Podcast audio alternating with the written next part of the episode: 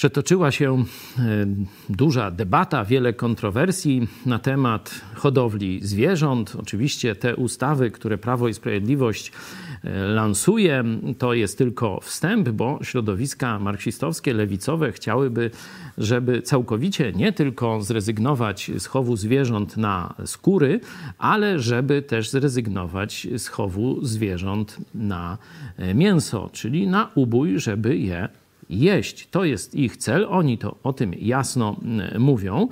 E, tu ten tak zwany ubój rytualny, przecież kiedyś w dawnych czasach praktycznie Żydzi tylko taki mm, ubój y, stosowali. Stąd chciałem wam pokazać, jak Bóg widzi błogosławieństwo narodu, czyli jak Bóg widzi błogosławieństwo Polski i zestawcie to sobie z tym, jak widzi błogosławieństwo Polski PiS czy Jarosław Kaczyński. Oczywiście nie cały PiS, bo część PiSu się zbuntowała przeciwko Jarosławowi. No ale część tam wiernie przy nim trwa.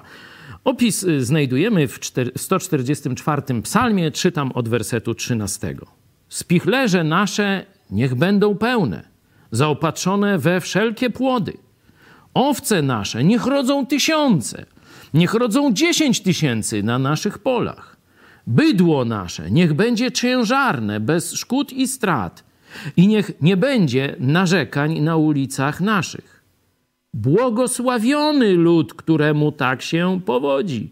Błogosławiony lud, którego Bogiem jest Pan. Dużo bydła, dużo owiec. Przecież właśnie te owce najpierw strzyżono, potem także zabijano na skóry. Z bydłem to samo zabijano na mięso. To jest objaw, to jest owoc błogosławieństwa Boga.